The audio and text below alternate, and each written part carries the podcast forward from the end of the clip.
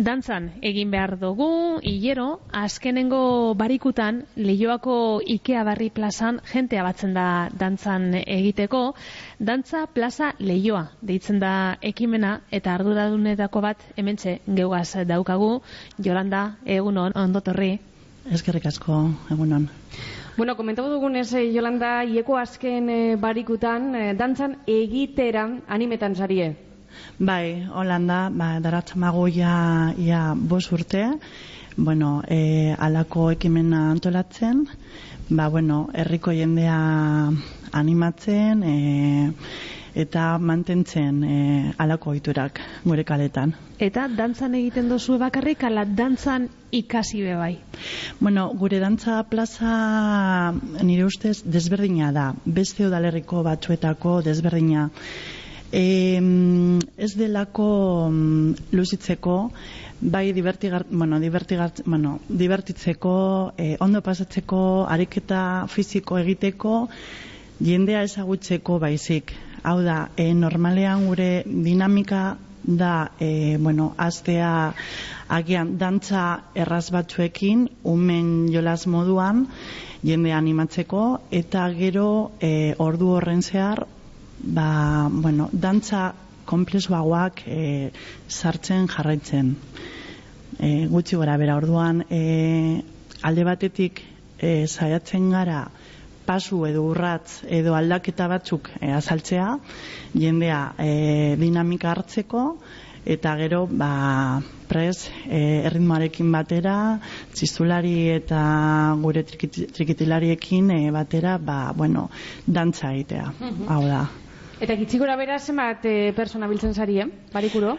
Ba, normalean e, egunaren arabera, eguraldiaren arabera, baina bai egia dela mm, nik esango nuke mm, berrogei tamar e, eta larogei lagun artean biltzen garela. Ondo. Bai. Bai. Eta horre bai, bai. betikoak izaten zaria, ala noiz benka jente barria be animetan da. Ba, denetari dago, bai igual, eh, esango nuke erdia, eh, agian beste udalerriko batzuetako jendea etortzen dela, baina gero beste erdia eta besteak em, ba, batzutan edo gehienetan e, plazan zerbait hartzen den jendea em, parte hartzea lortzen dugula. Orduan, bueno, hori da gure helburua. Eh, Eta beti lehioako Ikea barri plazan batzen zarie, edo ez dakit, batzuetan beste leku baten edo. Bai, bueno, hasieran bai, e, bueno, Ike Barri Plaza erak, bueno, e, bai aukeratu genuen momentu horretan, e, plaza jende asko eta bizi zen e, lekua zelako. Baina egia da, e, pandemiarekin, e, bueno, dantza plaza utzi egin zitzaion e, egiteari, eta bueltan, bai e, udalak ba, ar- arrakasta eta parte hartzea ikusita ba, bueno, mm, plaza aldatzea eta beste leku hainbat, e, herriko leku hainbat adinamizatzea proposatu digu. Orduan, e, azken urte, azken bi urte hauetan, bai hasi gara aldatzen. Orain eh, bost urte hasi ziniela esan dozu hasieran eh, Jolanda, zein izan zen eh, sorburua?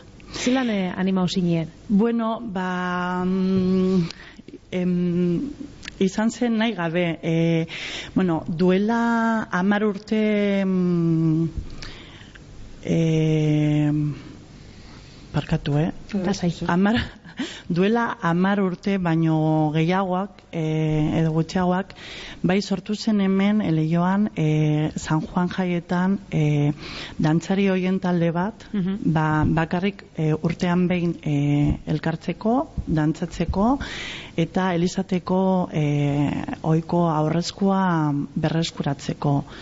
Orduan, egun batean, bat batean, e, talde honen bazkari batean, ba, ideia, bueno, ba, herriko edo herrian gauzak edo zerbait animatzeko eta dantzak kaleratzeko ideia sortu zen edo atera zen eta bueno ba kasu horretan e, idei hori e, dinamizatzea e, bultzatzen e, naute eta orain arte. Zu betantzan egiten duzu? Bai, bueno, nik txikitatik, lau urtetik, e, e, urtetatik e, daramat, e, bueno, dantza giroan sartuta, eta, bueno, ba, gustatzen zaidalako, eta, bueno, hori zen gure proposamena momentu horretan. Eta, bueno, nahi gabe, e, gorago, gora, gora joan gara, e, arraskata, arrakasta e, handiarekin, eta egia dela, bueno, gero eta jende gehiago parte hartzen duela. Zelako saioak izaten dira? Zuzeu egoten zara bakarrik dinamizatzaile moduan, lagun gehiago egoten dira, e, azalpenak emoten dozu, ez zelan e, funtzionatzen dozu? Bai, printzipioz, e, ni naiz dinamizatzen, no, no, e, ni dinamizatzen naiz e, ni bakarrik. Normalean jartzen naiz e, jende artean, osea, ni parte hartzen dut, e, eta e, nahazten e, dugu e, batzutan bikoteka, borobiletan, azten gara azaltzen apurbetu urratz e, azaltzen, eta e, komplizitate... Mm, e, horrekin e, txistulari eta trikitilarin artean e, ba improvisatzen dugu.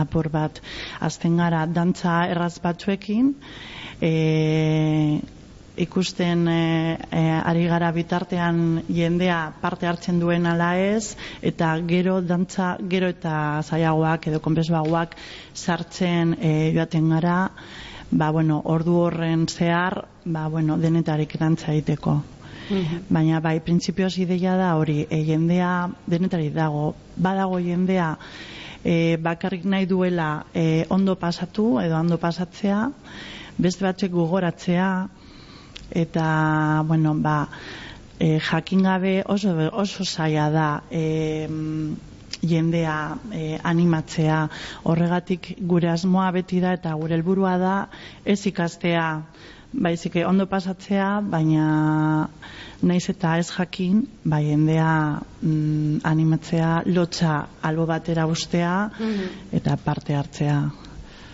Em, Jolanda, eta mm, badakizu gaur egun inguruko herrietan, ez dakit hemen eh, inguruko herrietan antzeko ekimenik eh, egiten dan?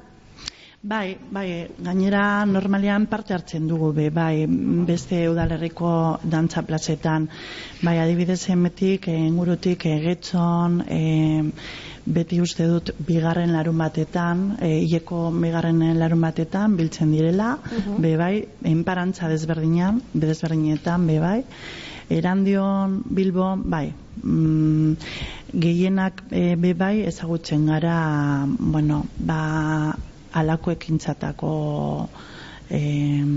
parte hartzen e, orduan bueno ba horregatik mantentzen ditugu guztien artean udalerriko batzuen pertsonen artean e, ohiturak eta euskal dantzak.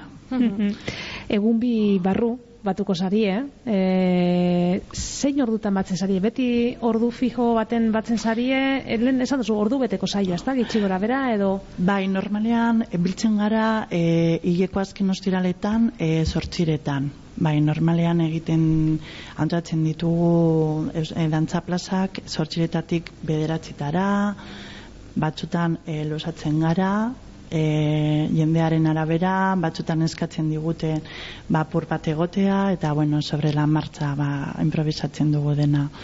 Bai, baina beti sortxiretan, pentsatu genuen e, ordu oberena zela, e, eta jendea ordu horretan ja normalean e, bueno, balanetik kanpo dago, normalean umekin, semelabekin, zeo zer, zerbait hartzen tabernetan, eta giro e, oberena izango litzateke.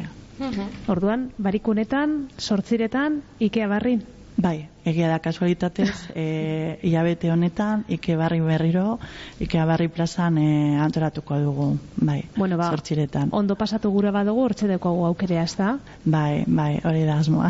Edo zein publiko motari zuzenduta dago? Bai, bai, gainera, e, gure dantza plazan, e, jende... E, ezberdinetako adin desberdinetakoak parte hartzen dute.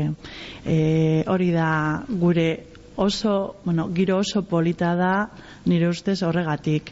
E, aurrek e, aur gutxiagok eta helduek e, ba, lortzen dugun e, ba hori e, salaketa edo edo saletasun bat e, partekatzeko eta bueno e, adina desberdina da baterak e, ba, dantzatzen e, bikotek aldatzen e, edo zin pertsonarekin ba, ezagutzen ba, hori da politena mm bai. Barretxegaz, e, geratuko gara, Jolanda Dantza Plaza Leioa ekimeneko arduraduna, eskerrik asko. Zuei. Eta, bueno, e, bai barikukua eta urrengo itzordu guztiak ondo baino beto joan daitezela, bost urte, baina honek luzerako joleik ez da. Bai, espero dugu.